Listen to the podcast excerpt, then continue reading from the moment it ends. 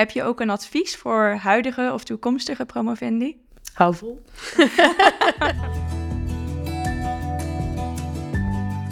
In de serie proefschriften, u aangeboden door Oncologie.nu, spreekt AJOS interne geneeskunde Dr. Tessa Steenbrugge met promovendi over hun proefschrift. Aan bod komt de inhoud van het proefschrift waar ze hard aan hebben gewerkt en daarnaast een inkijkje in het werk van een promovendus. Vandaag spreek ik Gwen Dakkes. Zij heeft geneeskunde gestudeerd aan de Universiteit van Maastricht. En in 2012 begon ze haar promotieonderzoek in het Antonie van Leeuwenhoek bij professor Sabine Lin. Gwen kreeg meerdere prijzen voor de studies beschreven in haar proefschrift, onder andere voor het opzetten van het Paradigm Cohort. Daar gaan we het zo over hebben. Na haar fulltime promotietijd is Gwen begonnen met de opleiding tot patholoog aan de Universiteit van Utrecht, waar zij momenteel ook werkt. Daarnaast woont zij samen met Carola en hun kat in Haarlem. Gwen, welkom. Ja, dankjewel. We kennen elkaar al uit het Antonie van Leeuwenhoek en ik heb tijdens mijn promotie ook samengewerkt met Sabine Lin. Ik vind het echt ontzettend leuk om met jou de spits af te bijten voor deze serie. Ja, dankjewel. Uh, hoe ben je terechtgekomen bij dit onderwerp en dit traject?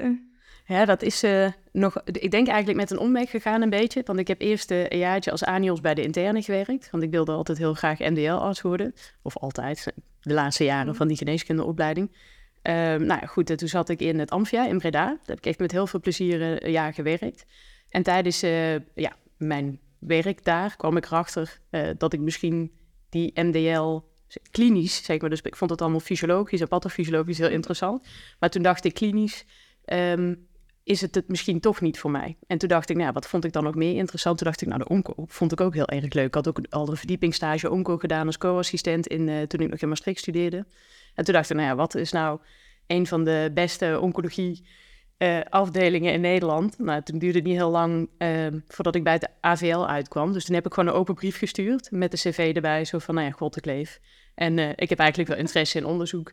En ook verder niet heel veel richting, want ik had er niet heel lang over nagedacht. En ik had ook niet gedacht dat uh, dat mogelijk zou zijn, omdat ik dacht, mijn cv is vast niet goed genoeg om in zo'n instituut te kunnen werken.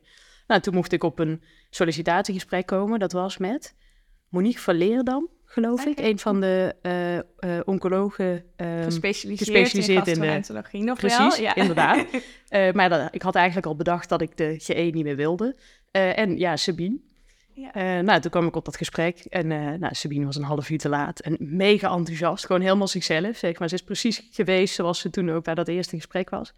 Uh, en zij kwam met dat, ja, wat uiteindelijk het Paradigm-project is geworden, met dat idee. En ik dacht, zo, dat is een uitdaging. Dat lijkt me wel wat. Ja, en toen moest ik nog zo'n hele, ja, zo'n hele soort van speed date, hè. zo gaat dat dan, die sollicitatie. Met allemaal mensen uit het lab en van de afdelingen, weet ik het wat. Dus uh, nou, zo ben ik eigenlijk in het AVL beland en specifiek op dat, uh, op dat onderwerp. En dan neem je allerlei zijsporen. Ja. Uh, en dan krijg je wat extra hoofdstukken erbij. Dat is eigenlijk hoe het gaat. Ja. Leuk. Ja. En dan was het niet al een lang gekoesterde wens om promotieonderzoek te gaan doen. Dat kwam een beetje gedurende je kooschappen, hoor ik je dat zeggen? Nou, tijdens de kooschap. Ik heb wel eens in mijn, wat zal dat zijn geweest, jaar twee van geneeskunde geprobeerd om een soort van studentenonderzoekje op te pakken. En maar dat liep allemaal niet zo, weet je. Toen dacht ik, ik vond het wel heel interessant, maar dat, daar zat toen niet zo heel veel muziek in. En toen ik bij de uh, eh, MDL zat in Maastricht, de banenmarkt was toen wat anders en het was veel makkelijker om een, om een plek ergens te bemachtigen. Dus toen dacht ik, nou ja, weet je, ik kon eigenlijk zo makkelijk daar bijna aan de bak.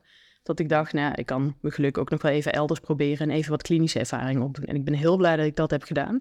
Ja. Um, ja, ja, voor de studies die je geanalyseerd hebt, dan uh, heeft dat wel veel toegevoegde ja. waarde. Ja, ja, dat kan ik me voorstellen. Ja, zeker. ja, en toen begon je aan de uitdaging van het Paradigm Cohort. Ja. Want dat is een ontzettend mooi opgezet cohort met ruim 3500 vrouwen onder de 40 jaar met borstkanker. Ja. ja, waarom moest dat cohort er komen?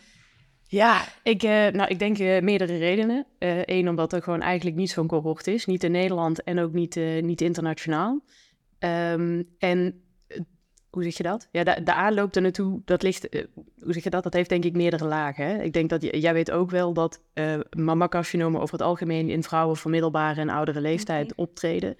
Um, en eigenlijk alle data, of de meeste data die we hebben, uh, gaan ook over die vrouwen. Dus dat betekent dat als je een jonge vrouw bent en een mammacarcinoom krijgt, dat alles wat we eigenlijk weten afkomstig is uit series van oudere vrouwen.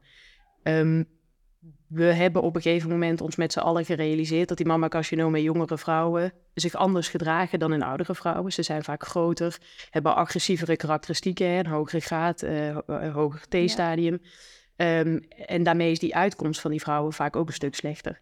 Uh, en die realisatie heeft ertoe geleid dat uh, leeftijd, in ieder geval in de Nederlandse richtlijn, op een gegeven moment is opgenomen als een criterium om aan de hand daarvan een behandeling in te zetten. Dat is internationaal ook een hele poos zo geweest. Dat is tegenwoordig niet meer zo, zoals jij zult weten. Um, en toen dachten wij van, nou ja, we moeten eigenlijk... Nu hebben we een soort van uh, one size fits all approach voor al die jonge vrouwen. Terwijl eigenlijk willen we heel gepersonaliseerd aan, het, aan de slag met z'n allen. Um, en um, wij dachten dus, vroeger werd niet iedereen behandeld, tegenwoordig wordt wel iedereen behandeld, maar niet iedereen behoeft die behandeling. Maar wie zijn die vrouwen dan die wel behandeling behoeven? En wie zijn dan die vrouwen die misschien eigenlijk wel een hele goede prognose hebben, die we nu behandelen, maar die we eigenlijk in de toekomst behandeling zouden kunnen besparen, omdat die behandeling geen enkele invloed heeft positief op hun uitkomst. Ja, omdat ze eigenlijk al indolente karakteristieken hebben, waardoor uh, ze een goede prognose hebben. Alleen ja. we herkennen ze nog niet. Um, dus dat was eigenlijk uh, de, de soort van achterliggende gedachte voor dat paradigm cohort. Van ja. we hebben een cohort nodig van jonge vrouwen waarin we kunnen kijken of we kunnen uh, of we biomarkers kunnen identificeren aan de hand waarvan we vrouwen kunnen selecteren die dus in de toekomst adjuvante therapie bespaard uh, kan blijven. Zeker ook als je je bedenkt dat jonge vrouwen natuurlijk vaak nog een kinderwens hebben of een incompleet gezin. Um, en die chemotherapeutica natuurlijk ontzettend toxisch zijn. Ja, ja. absoluut, absoluut. En uh, in onze richtlijn uh, houden we uh, 35 jaar aan als grens, maar jullie hebben ervoor gekozen om vrouwen tot 40 te includeren. Ja. Waarom was dat of was dat voor de aantallen? nou, um, ja, dat is een hele goede vraag. Ik denk dat als je in onze richtlijn klopt, inderdaad staat 35 jaar, of onder dan gelijk aan 35 jaar. En als je kijkt in de literatuur naar studies over jonge vrouwen, dan worden er twee cut-offs gebruikt. Dus vaak 35, eh, eh, dat zijn dan de, de hele jonge vrouwen, en onder de 40.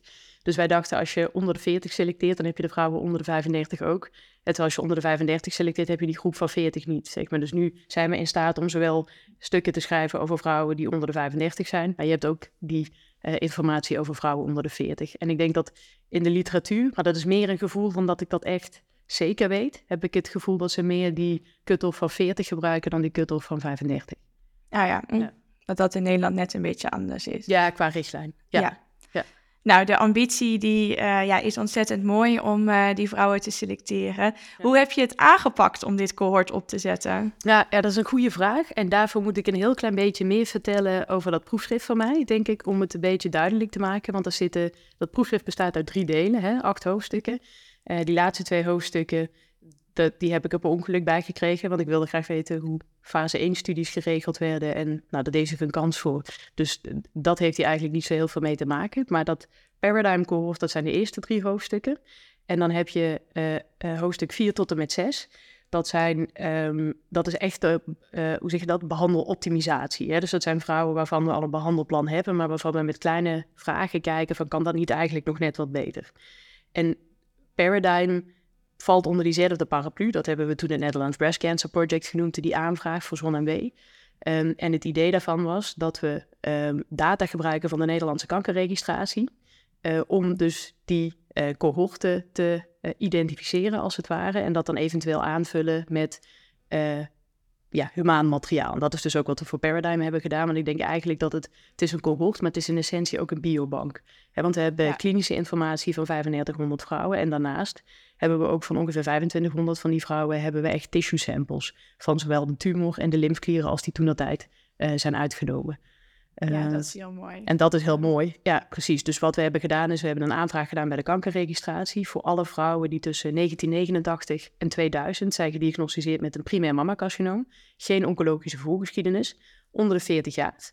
Uh, en dan node negative, hè, dus uh, zonder lymfkliermetastase. En dat is omdat als je node negative was in de jaren 90, dan uh, was de richtlijn in de tijd dat je geen adjuvante behandeling behoefde. Dus dat is ook de enige manier waarop je zoveel jonge onbehandelde vrouwen kan bemachtigen. Want tegenwoordig, wat jij ook zegt, worden ze eigenlijk bijna allemaal behandeld.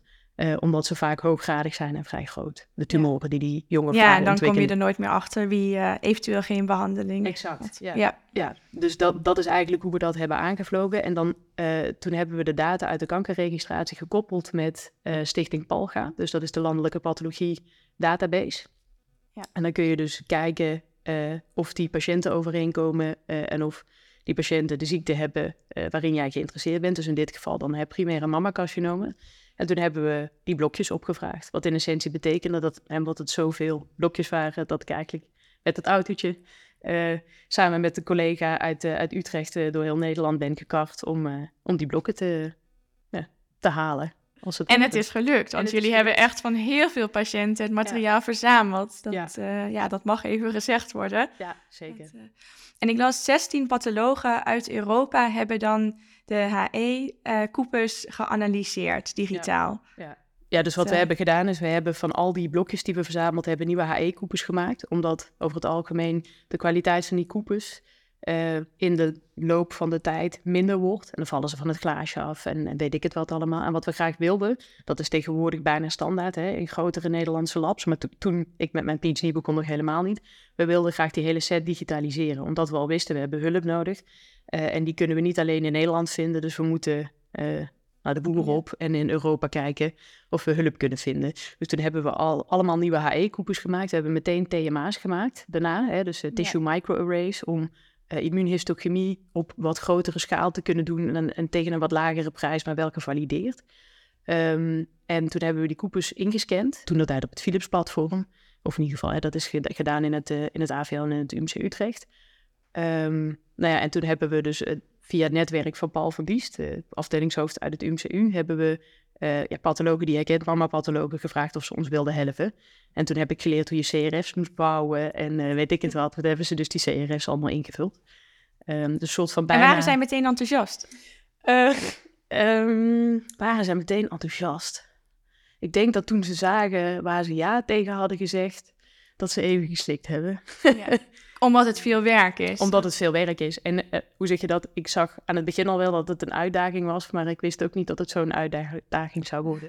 Dat maar is denk- goed ook, denk dus maar goed ook, ja, precies. Want ik denk als je soms weet waar je ja tegen zegt, zou je veel minder dingen ondernemen. En uiteindelijk lukken een heleboel van die uitdagingen alsnog. En dan ben je super trots op het eindresultaat. En ik denk dat dit daar geen uitzondering op is.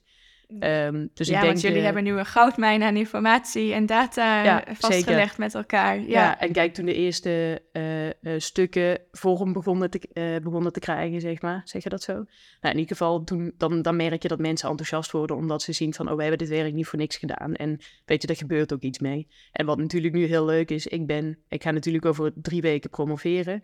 En maar in de tussentijd ben ik al met die opleiding begonnen, dus dat haalt de snelheid een beetje uit dat PhD-traject. Maar er zijn wel weer andere promovendi verder gegaan en die hebben weer nieuwe studies opgezet of zijn verder gegaan met vragen die we al hadden liggen. eh, Ja. Waar ik in ieder geval geen tijd voor had om die verder uit te werken. En dat is natuurlijk een heel mooi compliment, denk ik, Ja, als je dat iets opzet ook. waar een ander dan mee verder gaat. Dus in die zin, om terug te komen op dat goede idee waar we het over hadden, eh, ja, waren mensen toch wel enthousiast. Ja, gelukkig. Nou, we moeten het denk ik over de inhoud gaan hebben, want Ja. je hebt uitgelegd hoe het cohort is opgebouwd. Ja. En ik vroeg me alleen nog af, want IKNL registreert niet standaard recidiefdata, Klopt. maar die heb jij wel geanalyseerd. Hoe ben je daar aan Dat gekomen? is heel, heel scherp opgemerkt. Dat klopt. Wat je kan doen bij de kankerregistratie is, ze hebben een hele set aan data die zij wel verzamelen. Ehm, en als jij specifieke vragen hebt waarvoor je extra informatie nodig hebt, dan kun je een registratieproject laten opzetten. Eh, en wat zij dan gaan doen, is dat de eh data managers die zij hebben, eh, dus zij doen eigenlijk niks anders dan in patiëntenfiles informatie zoeken voor onderzoekers. Dus zij zijn, dat gaat heel gestandardiseerd en zij zijn daar ook heel goed in getraind. Ja. En die kunnen dan voor jou allerlei extra data opzoeken. En dat hebben ze voor mij ook gedaan voor al die verschillende projecten. Niet alleen voor Paradigm, maar ook voor die andere drie projecten. Eh, we hebben ze Eustradiol, Spiegels, LH, FSH, Oh, dat ook nog allemaal. Dat ook nog, ja. Uiteindelijk bleek dat allemaal niet zo bruikbaar. Eh, dus dat hebben we dan gelaten. En voor Paradigm inderdaad recidiefdata. Eh ja, noem het maar op. Dat eigenlijk. Local regionale recurrences. Ja, want in mooi. principe heb je dat ook niet, hè. Je hebt eigenlijk alleen overall survival. Ja, precies. Ja. Ja. En omdat je de recidiefdata had, heb je denk ik voor gekozen om niet ook nog te koppelen met CBS voor doodsoorzaken. Ja, we hebben daar wel over nagedacht. Ehm, en ik heb toen ook contact gezocht met CBS, maar dat had eh, in ons optiek, maar dan heb ik het over jaren geleden. En sommige dingen zijn makkelijker geworden, dus ik weet niet precies hoe dat nu zit. maar toen ik contact zocht, waren er twee nadelen. Want dan moet je je analyses op een CBS-computer doen. Ja. Ehm, en als je eh, in een opleiding zit en niet heel flexibel bent, zeg maar, dan is dat een heel groot nadeel. Dat was één ding en dat was best wel kostbaar toen. Ja. Ehm, en omdat wij natuurlijk in totaal, want in die andere drie studies, als je dat, eh, die patiënten die daarin zitten, optelt bij de Paradigm-patiënten, kom je volgens mij op 10.000 of 11.000 patiënten uit. Dus dat liep een beetje in de papieren. Ja. Ehm, dus toen hebben we ervoor gekozen dat zeker voor Paradigm, jonge patiënten, die hebben in principe een lage kans dat ze aan iets anders gaan overlijden. Eh, dus die hebben ervoor gekozen om gewoon een aanname te doen dat de eh, overlijdens die ontstaan, dat die meest waarschijnlijk komen ten gevolge van dat. Ja.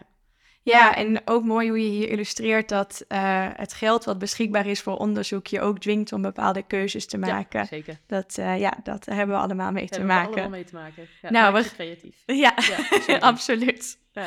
Eh, nou, het begon met de vraag welk, of de bekende biomarkers ook prognostische waarde hebben voor jonge vrouwen met borstkanker. En wat vonden jullie wat dat betreft? Nou, dat stuk staat nog een beetje in de kinderschoenen. Dat is eigenlijk hoofdstuk 2 van mijn eh, proefschrift. Dat is het enige nog niet gepubliceerde hoofdstuk. Terwijl dat eigenlijk de kernvraag is. Dat vind ik zelf dan nog wel een beetje grappig ergens. Eh, ja, omdat het dan... Ben je zo lang mee bezig geweest, dan lukt het op een gegeven moment... eh, is, blijkt het heel moeilijk om dat dan zo vorm te geven zoals je dat zelf wil.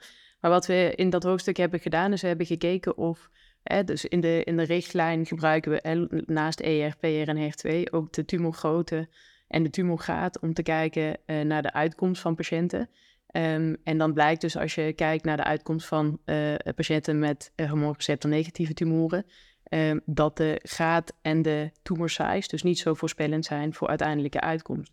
En wat dat dus in essentie betekent, is dat we voor patiënten met triple negatieve mammacarcinomen eh, eigenlijk behoefte is, met name voor die patiëntengroep dan, aan eh, additionele biomarkers die in staat zijn om die prognose van die patiënten goed in te schatten. En voor patiënten met hormoonreceptor positieve tumoren eh, was, dat, was dat beter, zeg maar. Dus dan is daar wel die correlatie tussen eh tumor size, grade en patiëntenuitkomst. Ja, tot een follow-up van 15 jaar voor dat stuk? of 15 jaar, Ja, ja. precies. Oké. Zo even uit het hoofd, want we hebben 25 jaar, maar soms gebruiken we een beetje een andere cut-off, omdat het dan beter overeenkomt met de richtlijn. Ja. Ja. Ja. dus voor de jonge vrouwen zijn onze standaard biomarkers onvoldoende. Dat Daar is- lijkt het op ja, wel op. Ja. kort door de bocht gezegd. Ja. Nou, en dan een bekende biomarker die jij gelukkig ook hebt onderzocht, waar we het even over moeten hebben, dat zijn de eh, lymfocyten in het tumorstroma. Ja. En dat hebben jullie in dit cohort bekeken. Klopt. Wat hebben jullie gevonden? Ja, ik eh, moet wel, eh, hoe zeg je dat, eerlijk bekennen dat dat niet primair mijn stuk is. Hè. Dat is geschreven door, eh, dat is een publicatie in JCO van, ik dacht twee jaar terug, als ik me niet vergis, 2021. Door eh, eh, Vincent de Jong en Yu Wang van het eh, NKI ook, collega's. Ehm, en toen hebben we dus in essentie de paradigm data die we hadden gebruikt. Daar hebben ze de triple negatieve patiënten uitgehaald. Hè. Dus we hebben op die TMA's, ERP en HER2 gedaan. Toen de patiënten die negatief waren voor alle drie die markers hebben we eh eruit geselecteerd. Dat zijn 441 patiënten, dacht ik, even uit het hoofd. In ieder geval 400 plus. Ehm, en hebben we aan die dataset de stromale TIL-score toegevoegd. En eh, dat eh, is in samenwerking gegaan met Roberto Salgado, zijn eh patholoog uit België. En hij is, nou, goed, een- ik bedoel, ik hoef het denk ik niet uit te leggen, hij is natuurlijk een entiteit op het gebied van de stromale TILs. TILs in, in borstkanker. En ehm, eh, hij heeft die geblindeerd voor de uitkomst van die patiënten, heeft hij de stromal TILs gescoord voor ons. En wij hebben dan vervolgens in het AVL, hebben Vincent en UI al die analyses gedaan eh, voor ons. En hebben we dus ehm, cut-offs, want het advies als je stro- stromal TIL scoort, is dat je dat continu doet. Hè? Dus dat Ja. is geen eh, positief of negatief. Dat, dus je geeft gewoon in bins van 10% geef je een score. En, dan, eh, en het idee is dat je dan zo de meest optimale cut-off kan vinden. En uiteindelijk hebben wij voor dat stuk gekozen voor cut-offs die al eerder gepubliceerd zijn. Ehm, omdat dat de vergelijking makkelijker maakt. En Ja. dus, dus die voor hoge tils een cut-off bij de 75%. Ja. Ehm, en voor de intermediaire groep bij 30%. Ja, precies. Ja. En dan blijkt dus dat als die jonge vrouwen eh, hoge stromale tils hebben, dat ze op 10 jaar een survival hebben van meer dan 94% overall survival. Zonder behandeling, hè? Dus, Ja, dus ontzettend goed. ja, ontzettend goed. Voor een tumortype wat we beschouwen als een snel groeiende tumor, Exact. Eh, bijna altijd aan een chemotherapie krijgen. Ja. Dat, eh, ja, dat is ontzettend indrukwekkend. Ja. En als jij nu voor uh, de vrouwen met een, de jonge vrouwen met een triple negatieve tumor een studie zou mogen opzetten, zou je dan kiezen voor helemaal geen behandeling geven op basis en dus stromale tumorinfiltrerende lymfocyten van meer dan 75% voor helemaal geen behandeling? Of zou je het deescaleren? Zou je een gereduceerd schema chemotherapie geven? Ja. Ja, dat is een, een, grappige vraag, want het toeval wil dat die studie eigenlijk al bedacht is, niet door mij. Uh, en ik weet niet of, je, of jij dat weet, maar de, die studie heet de Optimal-studie. Oh nee, dat ik niet. Ook uh, door, uh, ja, door, door mensen uit het NKI. En het idee is dus dat in die patiënten niet, of in die studie niet alleen jonge patiënten komen, maar eigenlijk alle mammacarcinoompatiënten van alle leeftijden. En dan worden ze dus ingedeeld op, op basis van hoge of lage stromaltils. En dan hangt het ook van de leeftijd af wat de cut-off wordt. Dus voor oudere vrouwen wordt het dan geloof ik 60% is het idee. En voor jongere vrouwen zou het dan de 75% zijn uit onze studie. En dan is het dus het idee dat de patiënten met de hoge stromale tils, die hebben zo'n goede uitkomst dat je als je kijkt, als je de criteria van onze richtlijn hanteert, dan kun je die patiënten geen behandeling geven. Want ja, de uitkomst is te goed, hè, wat heel ja, gunstig is natuurlijk. Niks meer toe aan het voegt niks meer toe. Ja. En het uh, kan alleen maar zorgen voor bijwerkingen. Maar dan heb je dus die intermediaire groep van patiënten.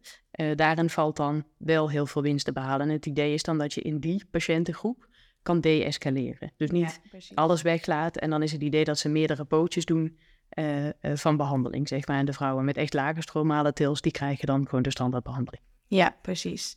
Dus hopelijk is er voor deze vrouwen wel minder behandeling mogelijk. In de toekomst. Ja, in de toekomst. Nou, heel goed. En uh, goed dat deze studie uh, op is gezet naar aanleiding van jouw uh, publicaties. Naar ik begreep loopt hij nog niet hoor. En het wordt volgens mij internationaal en multicenter. Want als je dit wil oppakken en zeker ook voldoende jonge vrouwen erin zou willen krijgen, dan duurt de accrual heel lang. Dus ja. je moet dat echt ja, ja, met een heel grote club ja, in groot verband. Ja, zeker.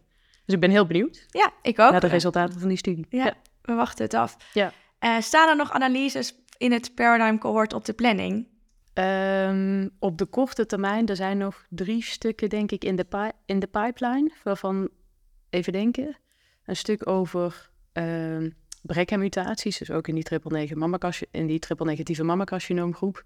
Dat is een gesubmit stuk. Dan kijken we naar de uitkomst van patiënten aan de hand van uh, kiembaanmutatie, uh, uh, tumormutatie en als je kijkt naar BRCA1, uh, promotormethylatie.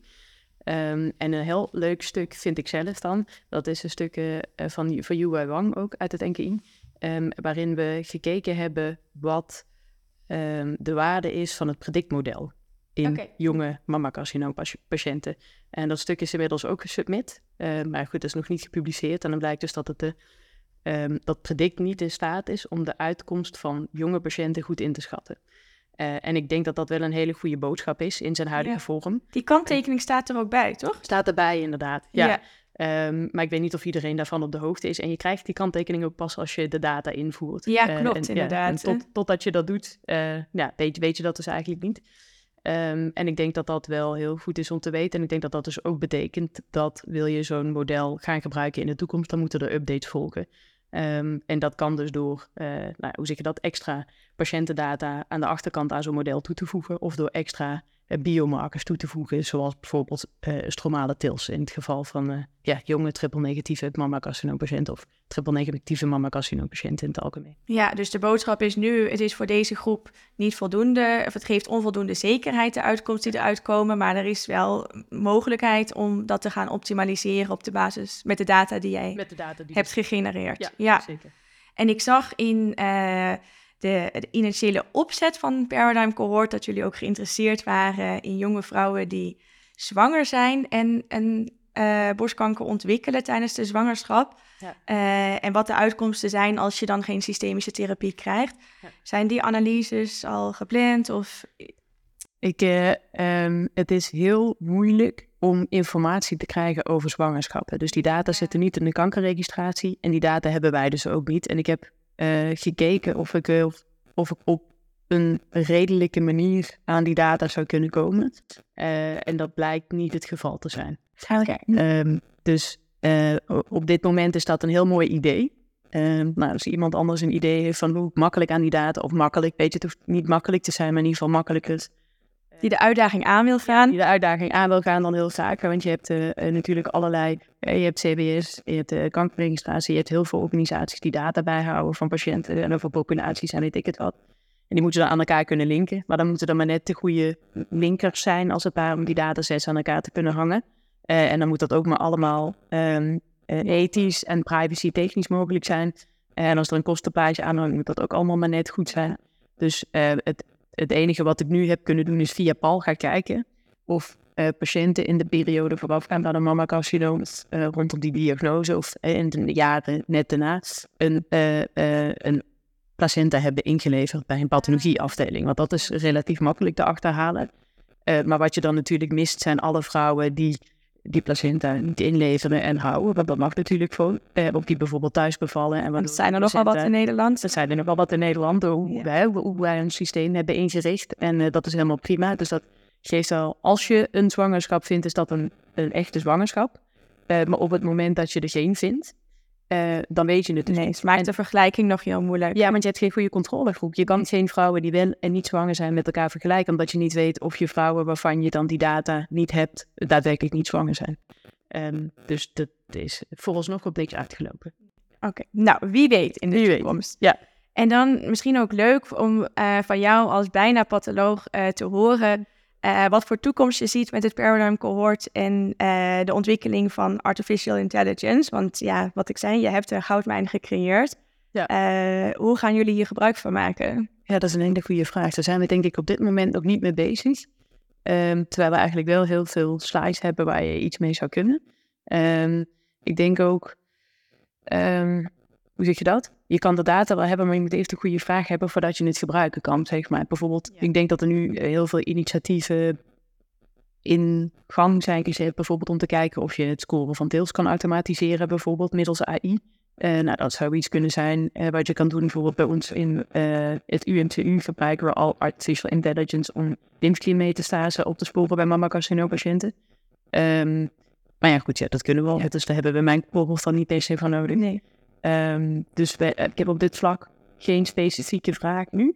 Ehm, we hebben wel gekeken of we eh, de prognose, of we de gradering goed kunnen spelen middels AI. Dat was een publicatie van Suzanne Wetstein uit de, van de Technische Universiteit Eindhoven. Oké, Ehm, maar het moeilijke daarvan is dat je, om dat klinisch relevant te maken, de graad 1 tumoren en de, eh, ook zou willen kunnen, hoe zeg je dat, als je graad 1, graad 2 en graad 3 uit elkaar zou kunnen trekken. Ehm, maar die patiënten aantallen zijn te klein. oh ja. ja, dat maakt het lastig. Ja, dus, dus het, het, het, het kan wel tot op zekere hoogte. Ehm, maar het is in essentie niet klinisch relevant, omdat je graad 1 en graad 2 moet lumpen. Ja, Ehm, ja, precies. Terwijl eigenlijk voor de tumor size, zoals je weet, nemen we graad 2 en 3 samen. Ja. En niet graad 1 en 2. Dus ehm, ja, Nou, dat heeft wie niet weet zoveel wat er nog komt. Ja. Nee, leuk. zeker. We gaan het nog eh, hebben over een andere groep vrouwen die jij hebt bestudeerd tijdens je promotietijd. En dat zijn de vrouwen die perimenopausaal zijn. Ehm, en eh, vanwege een hormoongevoelige borstkanker antihormonale therapie nodig hebben. Eh, wat maakt deze groep bijzonder?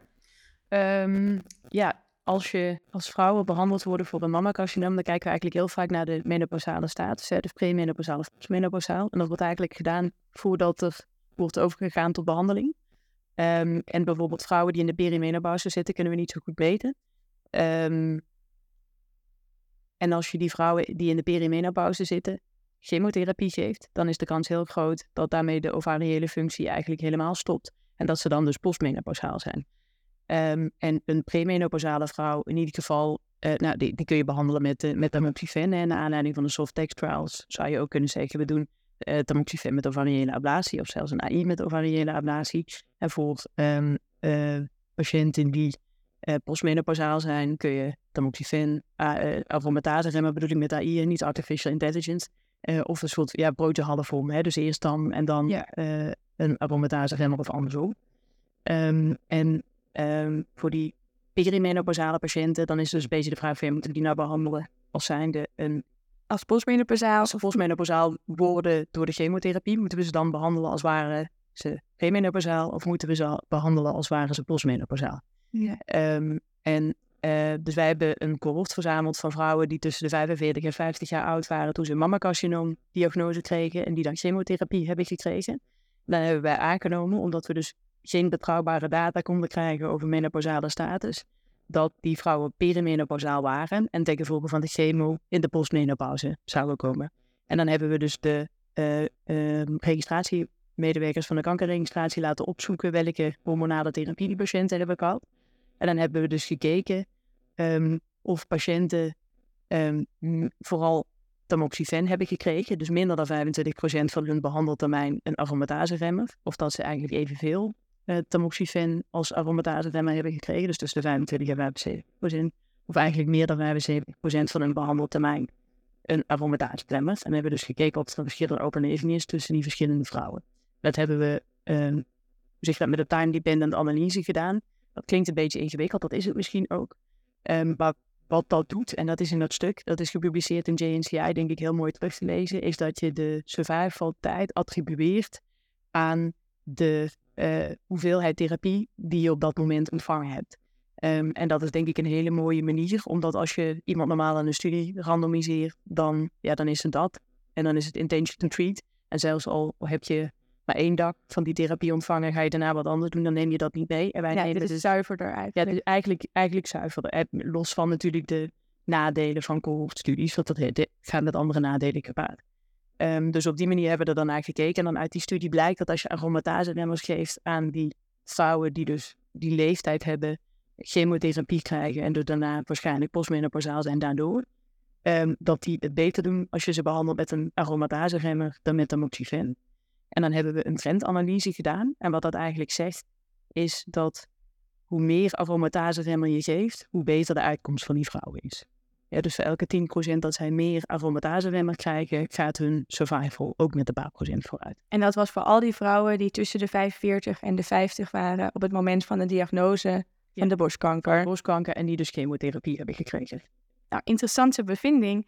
En uh, nou, daarop aansluitend, uh, welke aanpassingen aan onze richtlijn in Nederland zou jij voorstellen op basis van jouw onderzoek?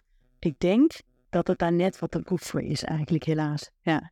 Ik denk dat je um, resultaten, en in het geval van die stromale tils, moet afwachten van de um, optimal trial, voordat je echt kan overgaan tot um, een aanpassing van de richtlijn. Uh, en in essentie zou je er natuurlijk al, ja, ik denk dat, dat ik het daarbij moet laten. Ja. ja. Ja. ja, jouw onderzoek heeft eigenlijk een mooie basis gevormd voor het opzetten van de gerandomiseerde studies, die uiteindelijk tot aanpassingen kunnen leiden in onze richtlijn. Ja, kijk, ik denk je kan, of je bedenkt een gerandomiseerde studie en je kijkt ernaar in cohortdata of het in de echte wereld ook zo werkt als in je uh, meer kunstmatige studie opzet, zeg maar. Of je hebt een cohort waarin je iets vindt en dan probeer je te kijken of dat nog steeds valideert als je het in een meer gecontroleerde setting uitzoekt. Ja. Nou, je hebt het ontzettend mooi uitgelegd. Uh, misschien leuk om nog te vragen wat jij nou het leukste vond om te doen tijdens je promotietijd. Wat niet? Um, nou, dat is ook een heel goed antwoord. Ja, nee, ik, uh, ik heb het uh, ontzettend naar mijn zin gehad. En ik heb heel veel mooie kansen gekregen, heel veel dingen mogen doen. En weet je, ik heb leren programmeren in R, dat vond ik fantastisch. heel, veel, heel veel interessante mensen ontmoet. weet je, je kan eindeloos brainstormen over alle ideeën die je hebt. Waarom dingen wel werken, waarom dingen niet werken. Um, ja, eindeloos. Ja. Ik, ik vond het fantastisch. Nou, dat is heel mooi om te horen. Heb je ook een advies voor huidige of toekomstige promovendi? Hou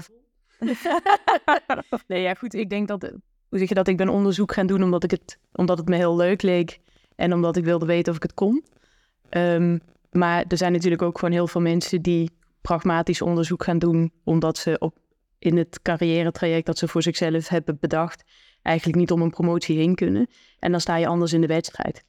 Um, dus ik denk, en, en het kan gewoon soms best een beetje moeilijk zijn, zo'n promotietraject. Dus ik denk, houvol is misschien een beetje flauw, maar weet je, denk aan waarom je bent begonnen. Zeker als je, in, als je halverwege zit, zie je soms het begin niet meer en het eind niet meer. Dus ik denk, um, denk aan waarom je bent begonnen en uh, waar je naartoe wil. En uh, vergeet er ook niet van te genieten, want het is ook eigenlijk zo weer voorbij. Ja, dat is helemaal waar. Nou, en daarmee uh, gaan we deze podcast afsluiten. Uh, ja, nogmaals, het is ontzettend indrukwekkend wat je hebt neergezet tijdens je promotietijd. Je hebt ook laten zien uh, hoe real-world data en registratiestudies kunnen bijdragen aan nou ja, uiteindelijk verbeteren van de behandeling van patiënten met borstkanker. Ik wens je heel veel succes bij je verdediging. Ja, dankjewel. 26 september. Zeker weten. En eh, nou, voor jou ook het advies om daar vooral van te genieten. Ja, dat gaat komen, denk ik. Dankjewel. Gaat u zelf uw proefschrift binnenkort verdedigen en vindt u het leuk om een podcast op te nemen? Laat het ons weten via info.uitgeverij-jaap.nl